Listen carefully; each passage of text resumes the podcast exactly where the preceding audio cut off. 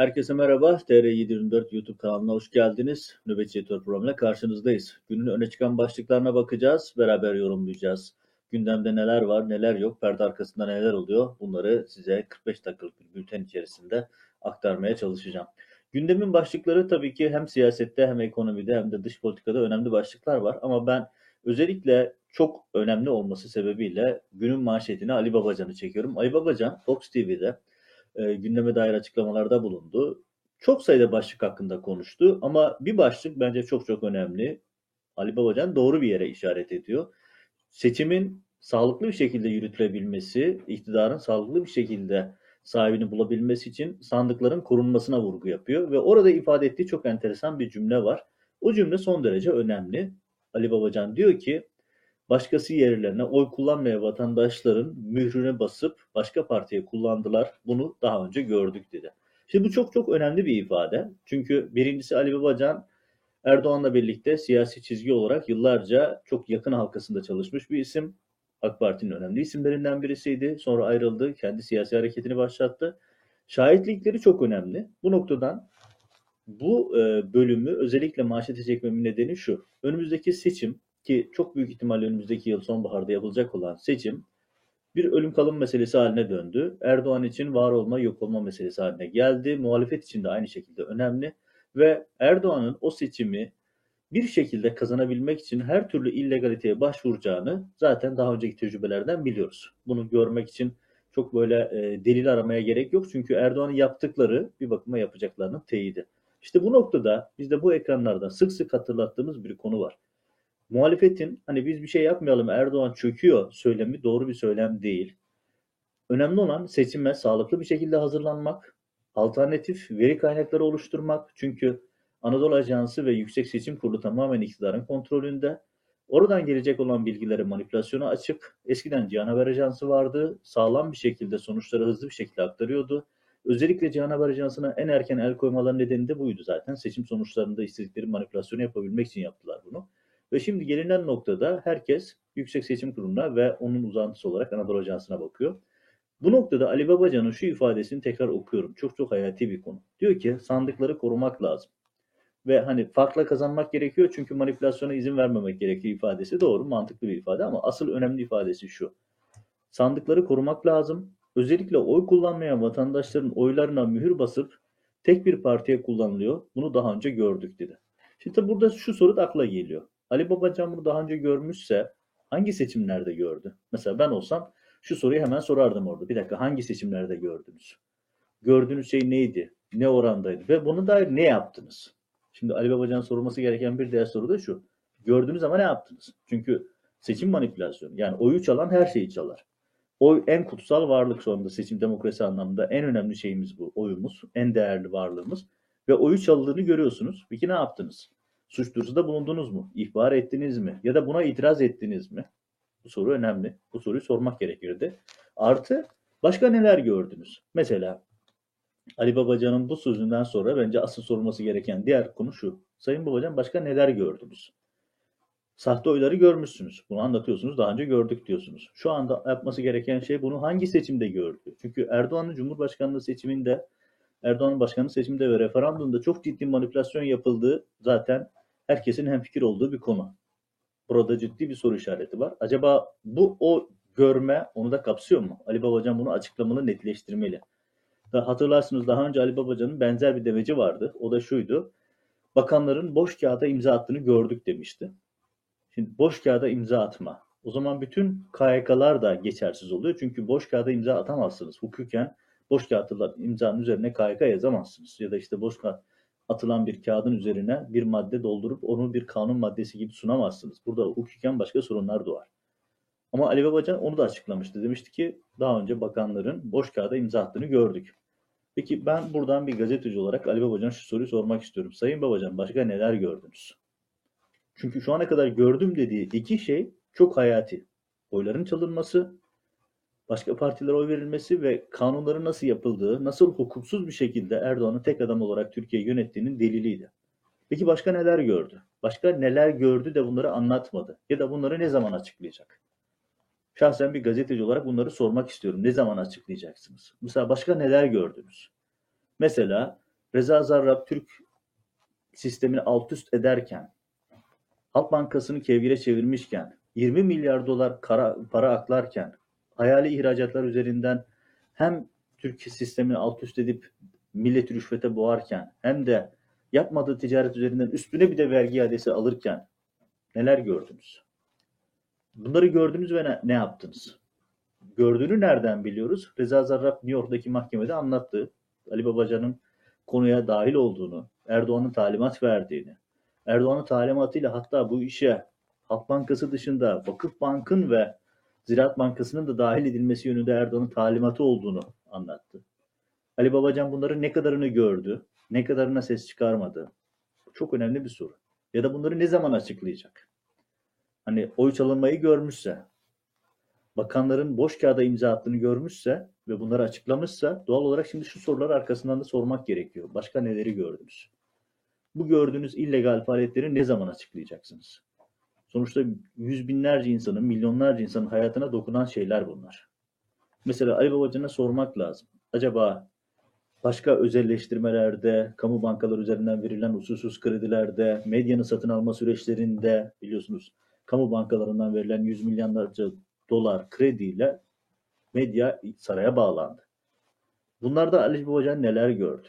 Mesela Bankasya'nın el konma sürecinde Erdoğan'ın kendisine kulislerde anlatılmıştı bu dönem Ankara temsilcisi olduğum dönemde. Kulislerde konuşulan bir şeydi. Ali Baba şey Erdoğan Malezya seyahatine o meşhur Malezya seyahatine giderken dönüşte Bankasya'nın anahtarını istiyorum diye Ali Babacan'a talimat verdiği anlatılmıştı. Başka neler gördü Ali Babacan ve bunları ne zaman açıklayacak? Bence bu konuyu Ali Babacan'ın üzerinde düşünmesi gereken önemli konulardan bir tanesi bu. Gördüğü illegaliteleri, gördüğü hukuksuzlukları ne zaman açıklayacak ve bunlarla ilgili ne yaptı sorusuna cevap vermesi gerektiğini düşünüyorum. Bu önemli ama her şeyden önce şunu ifade etmek lazım. Ali Babacan'ın sandığa sahip çıkma çağrısı ve özellikle de manipülasyonlara karşı uyarısı çok çok önemli. Çünkü şu anda en önemli konu bu. Yani CHP lideri evet önemli performans sergiliyor. İyi Parti, Meral Akşener çok iyi bir performans sergiliyor. Tamam eleştirdiğimiz konular var ama şu anda yükseliş trendinde olan en önemli partilerden birisi ve bu haliyle de iktidar için ciddi bir risk. Önemli adımlar atıyor ama unutulmaması gereken çok daha önemli olan bir konu var. Sandık güvenliği. Ali Babacan'ın bu çıkışını bu yüzden önemsemek ve takip etmek gerekiyor. Ama aynı zamanda soruyu da eksik bırakmayalım, soralım. Başka neler gördünüz? Bunlar için ne yaptınız? Ve bunları ne zaman açıklayacaksınız? Başka neler açıklayacaksınız? Bu soruyu sormuş olalım. Siyasetten devam edelim. Gündemin diğer önemli bir konusu Adalet Bakanı ile İçişleri Bakanı arasındaki tartışma. Biliyorsunuz kabinede ve bütün dünyanın her ülkesinde böyledir. Gerçi Amerika hariç Amerika Dışişleri Bakanı farklardan, bahçelerden sorumludur. Ee, bir misyonu yoktur, bir fonksiyonu yoktur İçişleri Bakanlığı Amerika'da ama Türkiye'de İçişleri Bakanları çok önemlidir. Dışişleri Bakanı aynı şekilde önemlidir. Adalet Bakanı çok önemlidir. Bu bakanlıkların durumu ve gündeme hakimiyeti aslında iktidarın aldığı yola dair de önemli ipuçları içerir. Şimdi bu noktada biliyorsunuz Süleyman Soylu ile daha önce Berat Albayrak, damat Berat Albayrak arasında ciddi tartışmalar yaşandı. Hatta birbirlerine kameraların önünde omuz attılar. Ee, bir bakıma e, mafya çatışmaları gibi çatışmalar yaşandı. Berat Albayrak'ın troll ekibiyle Süleyman Soylu'nun troll ekibi kavga etti. Milyon şeyler yaşandı. Ama sonuçta Süleyman Soylu Berat Albayrak'ı saf dışına çıkarmayı başardı. Şimdi Süleyman Soylu'nun yoğun bir şekilde Erdoğan sonrası döneme hazırlandığı biliniyor. Erdoğan'ın da sağlık sorunlarının arttığı bir dönemde bu tartışma daha da önemli hale geldi. Çünkü Erdoğan'ın sağlık sorunları artık gizlenebilecek durumda değil. Hani Ferhattin, Fahrettin Altun'un Erdoğan'ın sağlık sorunu yok demek için yaptığı her adım da Erdoğan'ı daha da tartışmalı hale getirirken Süleyman Soylu vites büyütüyor.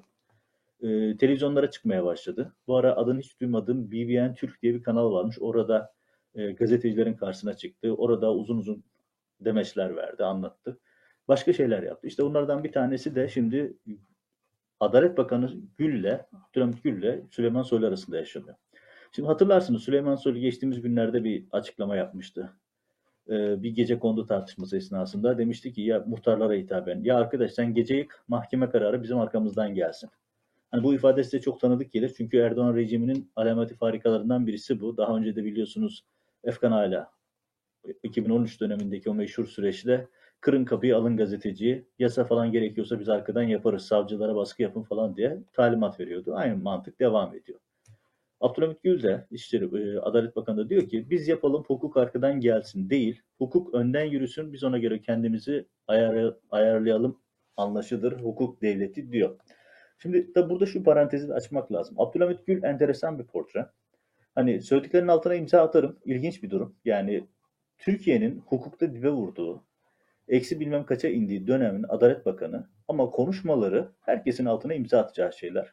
Yani garip bir durum ama ben de altına imza atarım söylediklerini. Çünkü gerçekten öyle güzel konuşuyor ki insan izlediği zaman ya bu Adalet Bakanı şey Abdülhamit Gül iyi konuşuyor. Keşke iktidara gelseler de Adalet Bakanı olsa falan diyorsunuz. Çünkü bir muhalif parti lideri anca böyle konuşur ya da bir muhalif partinin önde gelen isim anca böyle konuşur. Söylemleri herkesin altına imza atacağı şeyler. Yani şimdi düşünün. Biz yapalım hukuk arkadan gelsin değil, hukuk önden yürüsün biz ona göre kendimizi ayarlayalım de meselesi evrensel bir tanım. Buna herkes imza atar, herkes kor.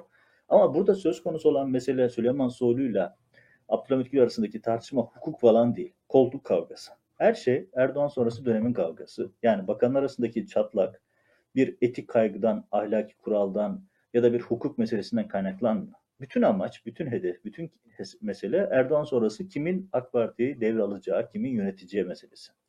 Süleyman Soylu bu alanda rakipsiz kalmak istiyor. Arkasında Devlet Bahçeli'nin desteği var, mafyanın desteği var.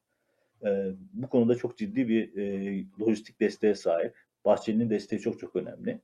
Abdülhamit Gül ise başka bir kesimin temsilcisi gibi yani muhafazakar cami içerisinde, AK Parti içerisinde bir grubun temsilcisi gibi ve bir şekilde Erdoğan sonrası dönemde öne çıkmaya çalışan isimlerden bir tanesi. İşte Süleyman Soylu'nun yaptığı şey şu anda aslında Abdülhamit Gül'ü de saf dışı bırakma, onu da oyundan itme, böyleleri sahada yalnız kalmaya çalışıyor. Yani söz konusu olan tartışma hukukla, adaletle ilgili görülse de aslında mesele tamamen Erdoğan sonrası dönemin koltuk kavgası. Bu perspektiften görmekte fayda var. Yoksa ne Soylu'nun ne de Abdülhamit Gül'ün hukukla, adaletle, insan hakları ile ilgili bir kaygısı yok. Öyle olmuş olsaydı bugüne kadar bambaşka şeyler görürdük. Mesela Abdülhamit Gül birazdan detaylarını vereceğim. Başka e, detaylar da var. E, birazdan detaylarını yine uzun uzun anlatacağım. Bütün hukuksuzlukların, illegalitelerin olduğu bir yerin Adalet Bakanı kendisi. Hani laflarını dinlediğiniz zaman keşke iktidara gelse ve Adalet Bakanı olsa diyeceğiniz bir performans sergiliyor. Ama pratiğe geçtiğiniz zaman zulüm tam gaz devam ediyor. Mesela çok basit bir ayrıntı ama önemli bir gösterge olduğu için bültene tam bu noktada eklemek istiyorum. O da şu. Cezaevlerinde mahpuslara yönelik bir görüntülü telefon uygulaması var. Yeni başladı, yaygınlaştırılıyor. Ama burada bir şey eksik. Hani soyguncuysanız, tecavüzcüyseniz, katilseniz, uyuşturucu satıyorsanız ailenizle, sevdiklerinizle görüntülü telefonla görüşebiliyorsunuz. Ama KYK'lıysanız size yasak. KYK'lıysanız, Gülen cemaatin mensubiyetindeyseniz, yani profesörsünüz, hakimsiniz, savcısınız, öğretmensiniz, gazetecisiniz fark etmez. KYK'lıysanız size yasak. Niye? Çünkü siz KYK'lısınız. KYK'lılar en azılı, en tehlikeli insanlar iktidarın gözünde. Alın dönün bakın. Yani düşünün uyuşturucu kaçakçısıysanız, tecavüzcüyseniz, katilseniz sevdiklerinizle görüşebilirsiniz görüntülü telefondan ama KYK'lıysanız hayır siz tehlikelisiniz görüşemezsiniz. Şimdi Adalet Bakanı Abdülhamit Gül'e dönüp soralım. Hani sayısız örnek var. Mesela bunlardan bir tanesi de Ayşe Özdoğan. İleri derecede kanser hastalığı olmasına ve tedaviye acil ihtiyacı olmasına rağmen bugün 39. gün. Bugün itibariyle yani 8 Kasım itibariyle 39 gündür cezaevinde. Ve şimdi bu Abdülhamit Gül çıkıp hukuktan, adaletten bahsediyor. Süslü laflarla ekranlara çıkıyor. Öyle mi? İşte evet yani Türkiye manzarası bu. Daha başka gündeme aldığım hukuksuzluk örnekleri var. Onları da tekrar eklemeye devam edeceğim. Bu noktada önemli bir e, hukukla alakalı ama aslında hukuktan çok siyasetin, istihbaratın, uluslararası ilişkilerin gündeminde olan bir konuyla devam edelim. Enver Altaylı. Eski MİT mensubu. Kendisi önemli bir isim. E, Türk siyasetinde, Türk istihbaratında damga vurmuş isimlerden bir tanesi. Önemli bir isim. O isim de ilginç bir şekilde söz konusu FETÖ çuvalının içerisine atıldı ve tutuklandı. Damadı da tutuklandı, başka insanlar da tutuklandı. Damadı Metin Can Yılmaz'ın dosyasını baştan sona okudum. Ee, gerçekten komedi filmi çekilecek bir dosya. Günün birinde komedi filmi olarak çekilmesi gereken bir şey. Çünkü Hakkındaki tek suçlama Enver Altaylı'nın damadı olması, kızıyla evli olması. Başka bir suçlama yapılamıyor. Oradan başka yerlere çıkamıyorlar ve çıkamadıkları için de işte örgüt üyeliği vesaire demişler. Casusluk suçlamasını bir yere bağlayamamışlar.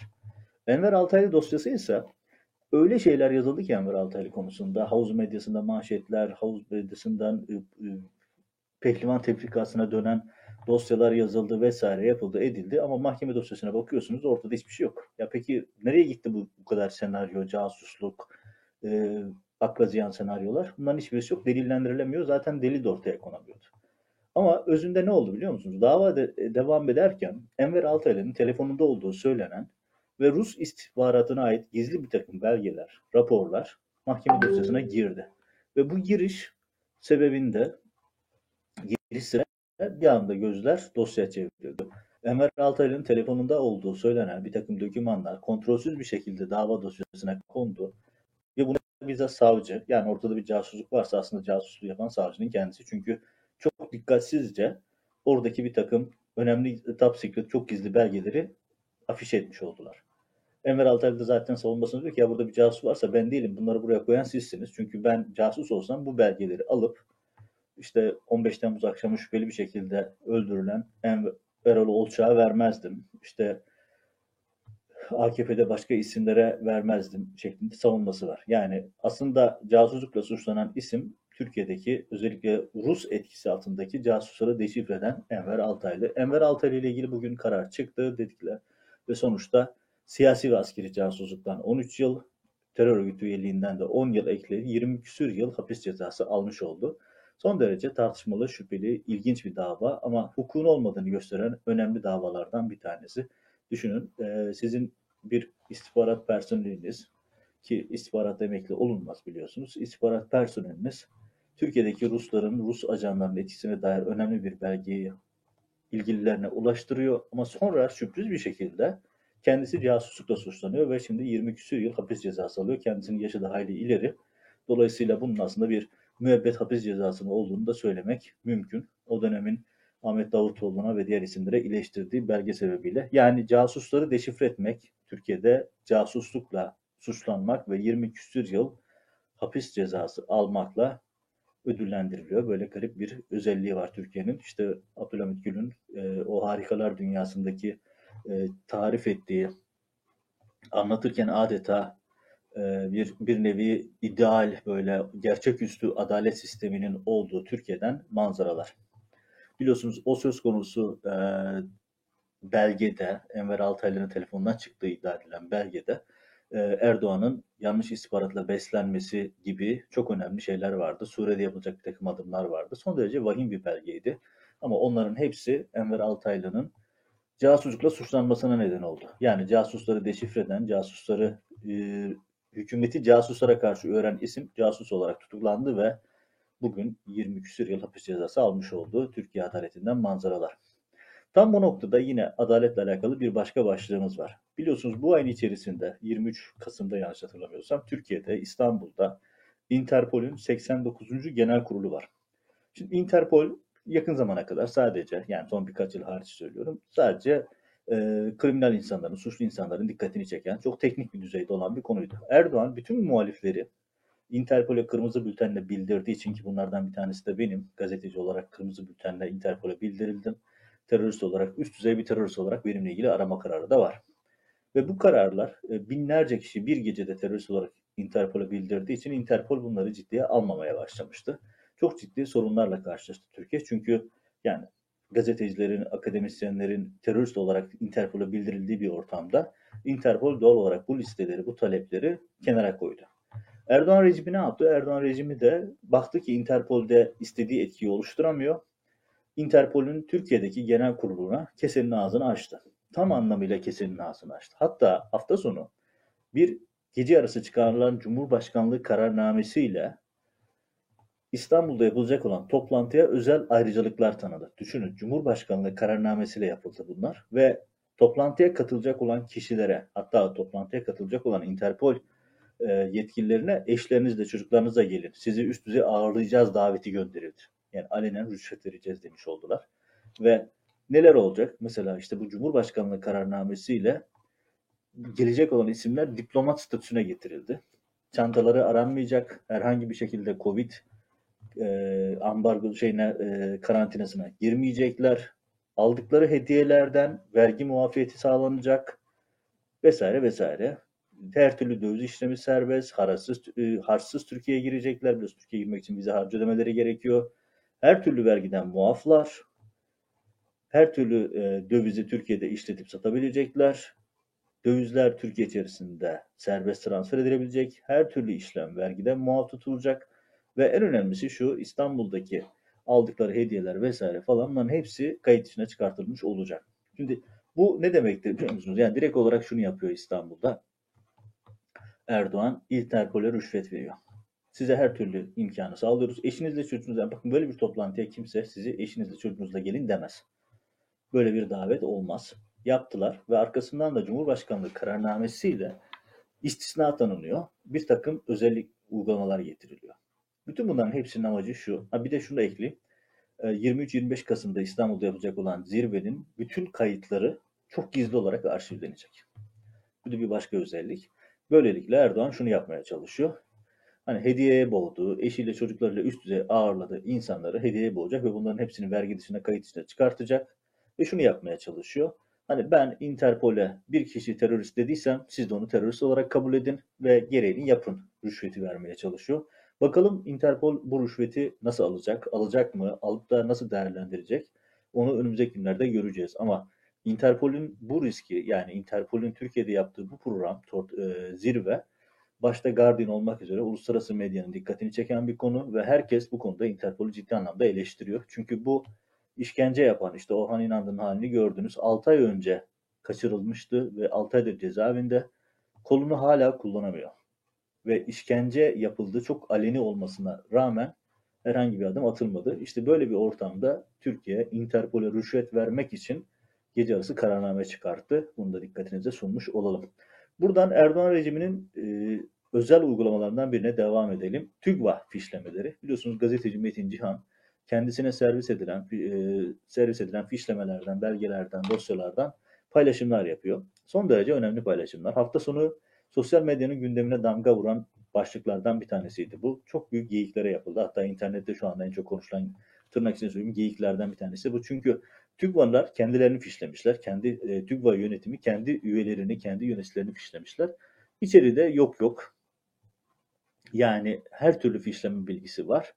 Yani düşünün işte gayri ahlaki ilişkiden tutun, çok düzgün bir Müslüman olduğundan eleştiren yani düşünün çok düzgün Müslüman olduğu için eleştiriliyor ya da işte ne bileyim maddi konularda zaafı vardı şeklinde kadın zaafı var şeklinde vesaire her türlü fişlemeler var. Tabi işlerinde dikkat çekici şeylerden bir tanesi de şu düşünün TÜGVA'nın bir tane temsilcisi bulunduğu ilin valisiyle sorun yaşayınca valiyi değiştirmek istiyor.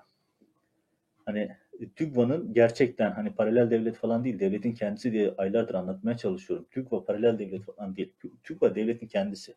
Erdoğan'ın devleti tek devlet, tek millet, tek dev, e, dil derken tek cemaat kurup tek cemaati de TÜGVA altında birleştirme projesinin bir yansıması bu. Hani TÜGVA'ya paralel devlet demek yanlış olup TÜGVA devletin kendisi çünkü. Erdoğan devleti TÜGVA'ya teslim etmiş vaziyetteydi. İşte onlardan bu detaylar hayli ilginç. Benim en çok dikkatimi çekenlerden bir tanesi de TÜGVA'nın hani TSK'ya, MİT'e, emniyete, yargıya yerleştirdiği adamlar zaten haftalardır konuşuyoruz. E, Türkiye'deki en kritik davalara bakan isimlerin hepsi TÜGVA referansıyla sağa sola yerleştirilmiş. Ve ilginç bir şekilde e, TÜGVA'dan geçmeyen hiçbir şekilde işe girememiş, pozisyon alamamış. Mesela TÜGVA'nın elemanlarından bir tanesi işte Hakkari il başkanı, il e, temsilcisi olarak gözüken kişinin fişlemesi hayli ilginç. E, kumar oynatmaktan, her türlü illegaliteden, tehditten, şantajdan bahsediyor ve il temsilcisi kendisi yerel yöneticileri tehdit ediyormuş. Hani hani AKP il başkanları vali gibi davranıyor diyorduk ya. TÜGVA temsilcileri valinin de üstüne çıkmışlar ve düşünün te, e, tehdit, şantaj, kumar her türlü suç var ve bu isimler sözde ahlaklı nesil yetiştiriyorlar. Sözde Erdoğan'ın Asım'ın nesli diye tarif ettiği kişiler. Hayli enteresan fişlemeler var içerisinde. Fakir olmasıyla da eleştirilen insanlar var. Nasıl olur yani bir TÜGVA temsilcisi nasıl ekonomik olarak zayıf olur şeklinde eleştiriler de var. Bu da ilginç. Evet gündemdeki diğer bir başlığımız yine hafta sonundan sarkan benim göz ardı edemediğim mutlaka aktarmak istediğim başlıklardan bir tanesi de şu. AKP'li Ali İhsan Yavuz. Kendisini tanırsınız. Hali renkli, enteresan bir kişilik. Özellikle de 2019 yerel seçimlerinde ifade ettiği hiçbir şey olmasa da bir şey oldu demesiyle mizah konusu olan bir isimdi biliyorsunuz. O, o çıtayı bir bakıma daha yükseltti. Ee, Erdoğan'a destek, Erdoğan'a verilen her oyun hanenize sevap yazacağını söyledi. Yani artık e, Erdoğan'a oy vermek size sevap kazandırıyormuş. İşe dini bir figür e, de katmış oldular. Tabi bu iktidarın düştüğü çaresizliği gösteriyor. İktidarın iktidarı korumak ya da iktidarını devam ettirebilmek için her türlü istismar yapacağını gösteriyor. Hani bu iş biraz da şeye döndü artık. E, İstanbul'un fethi sırasında hep anlatılır. E, Bizans'ın papazları meleklerin cinsiyetini tartışıyordu. Türkiye çöküyor ama e, bu arada iktidarın yöneticileri AKP'ye Erdoğan oy vermek sevap mı değil mi sorusunda e, şeyler tartışıyorlar. E, istismarda zirveye çıkıyorlar. Düşünün Erdoğan'ın Erdoğan'a oy vermek size sevap kazandırıyormuş. Bir sonraki aşamada herhalde cennetten arsa da satacaklar. Hani Erdoğan'a verdiğiniz her oy karşılığında cennetten işte bin dönüm köşk alacaksınız falan diyebilirler bir sonraki aşamada. Oraya kadar da götürmeleri mümkün. Aslında bunu diyorlar diyen ve bunda bu kadar çok alıcı çıkması da enteresan. Çünkü bu kadar söylemi, absürt bir söylemin karşısında ya sen ne diyorsun diyen kimse çıkmadığına göre hayli ilginçler. Tabii ben ilahiyatçı değilim ama bildiğim kadarıyla sebep olan işlemiş gibidir diye bir kaide var. Şimdi siz Erdoğan'a oy verdiğiniz için sevap kazanır mısınız bilmiyorum ama Erdoğan'a verdiğiniz oylar ve Erdoğan'ın bu oylardan sonra iktidara gelip zulmettiği, hırsızlık yaptığı, ahlaksızlık yaptığı her olaydan siz de sorumlusunuz diyeyim o zaman. Böyle bir tartışmaya bir başka da pencerede ben açmış olayım. Çünkü dediğim gibi ilahiyatçı değilim ama sebep olan işlemiş gibidir kaidesini biliyorum. Siz sebep ol, oylarınızla bütün bu zulme, bütün bu yolsuzluğa, bütün bu ahlaksızlığa da sebep olarak aslında sevap kazanayım derken günahta kaybı şey oldukça yüksek miktarda günahta kazanmış olabilirsiniz. Aklınızın bir tarafında durmasında fayda olduğunu düşünüyorum. Evet biliyorsunuz AKP'lerin böyle enteresan açıklamaları vardı. Bunlardan bir tanesi işte e, rahmetim mesela Erdoğan'ın kendisi demişti hatırlarsınız. E, rahmetimiz gazabımızı aşacaktır. Aşağı yani böyle tuhaf bir yar, e, şey çıkartmıştı. Süleyman Soylu işte ezeli ve ebedi başkanımız demişti Erdoğan için. Efkan hala peygamberimiz Mekke'ye girerken muhtemelen kendine pay çıkardı. Biz başörtüsü yasanı kaldırırken kendimize pay çıkarmadık. Yani diyor ki peygamber bile kibirlenmişti ama biz kibirlenmedik. Enteresan. Ee, Mehmet Şimşek'in yine meşhur bir ifadesi vardı. Saydıkça bitmiyor. Ben bir taraftan kafamda topluyorum eski başlıkları. İşte Mehmet Şimşek demişti tüm Erdoğan karşısında herkes kıyama kalkıyor diye. Ee, Kadir Mısırlıoğlu bir fesli, enteresan bir kişiydi biliyorsunuz. Tayyip'e oy vermeyenlere imansız demişti. Ee, bir başka milletvekili, AKP milletvekili yanlış hatırlamıyorsam Hüseyin Şahin'di. Erdoğan'a dokunmak ibadettir falan demişti. Böyle liste uzayıp gidiyor. Hani normal şartlarda bütün bunların hepsini bir e, akıl hastanesine toplayıp tedavi etmek gerekir ama koskoca partinin bütün yöneticilerini toplayacak haliniz yok. Bu da enteresan. Tabi bu arada hafta sonundan yine Sarkan bence e, rejimin karakteristiğini göstermesi açısından önemli gördüğüm bir başlığı daha ekleyeyim. O da şu. A Haber. Yani A Haber'i biliyorsunuz rejimin propaganda amiral gemisi. E, gazetecilik dışında her şeyi yapmasıyla meşhur. Yani gazete ya da televizyon organı demek mümkün değil. E, normal şartlarda e, böyle bir gazetecilik yapılmaz zaten. Ama e, rejimin karakteristiğini gösterme açısından son derece güzel, ilginç bir detay gördük. O da şu. A Haber'in Elazığ Bölge Müdürü Fırat Öztürk. Kendisi Milli Eğitim Bakanlığı'nda memur. Yani devlet kadrosunda çalışıyor. Hani AKP'nin devleti nasıl e, kendi babasının malı gibi kullandığının bir göstergesi. Ama aynı zamanda A Haber muhabiri. Teknik olarak mümkün değil. Etik olarak zaten mümkün değil. Ama arkadaş bankamatik memuru işine hiç gitmiyor ama aynı zamanda A Haber'in televizyondaki temsilcisi olarak orada çalışıyor. Ve yetmiyor. Rejimin karakteristiğine uygun olarak A Haber'in genel çizgisine çok uygun olarak provokasyonlar yapıyor. İşte İyi Parti Genel Başkanı Meral Akşener'in Elazığ programında milleti provoke edip provokasyon soru sordurmaya çalışan kişi ki bu da kameralara takılmıştı. İşte bu kişi Milli Eğitim Bakanlığı'nda memurmuş. Şaşırdık mı? Değil. Herhangi şaşırtıcı bir şey değil. Çünkü bu son derece normal Erdoğan rejiminin karakteristiklerinden bir tanesi. Ve e, bu yaygın. Hani böyle bir imkan bulsa, araştırılsa Türkiye'nin her yerinden bu tip örneklerle karşılaşacağımızdan emin olabilirsiniz.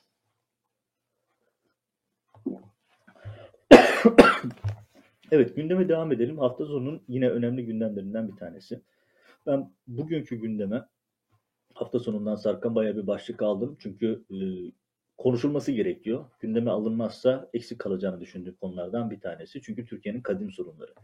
Mehmet Eymür, eski MİT'in kontrterör daire başkanı. Ee, T24'ten Gökhan e, Tahincioğlu'yla, Gökçer Tahincioğlu'yla pardon, e, uzun bir röportaj yaptı. Günlerdir konuşuyoruz. Arkasından Halk TV'ye çıktı. Halk TV'de de işte 5 tane gazetecinin karşısında tarihe geçecek açıklamalar yaptı.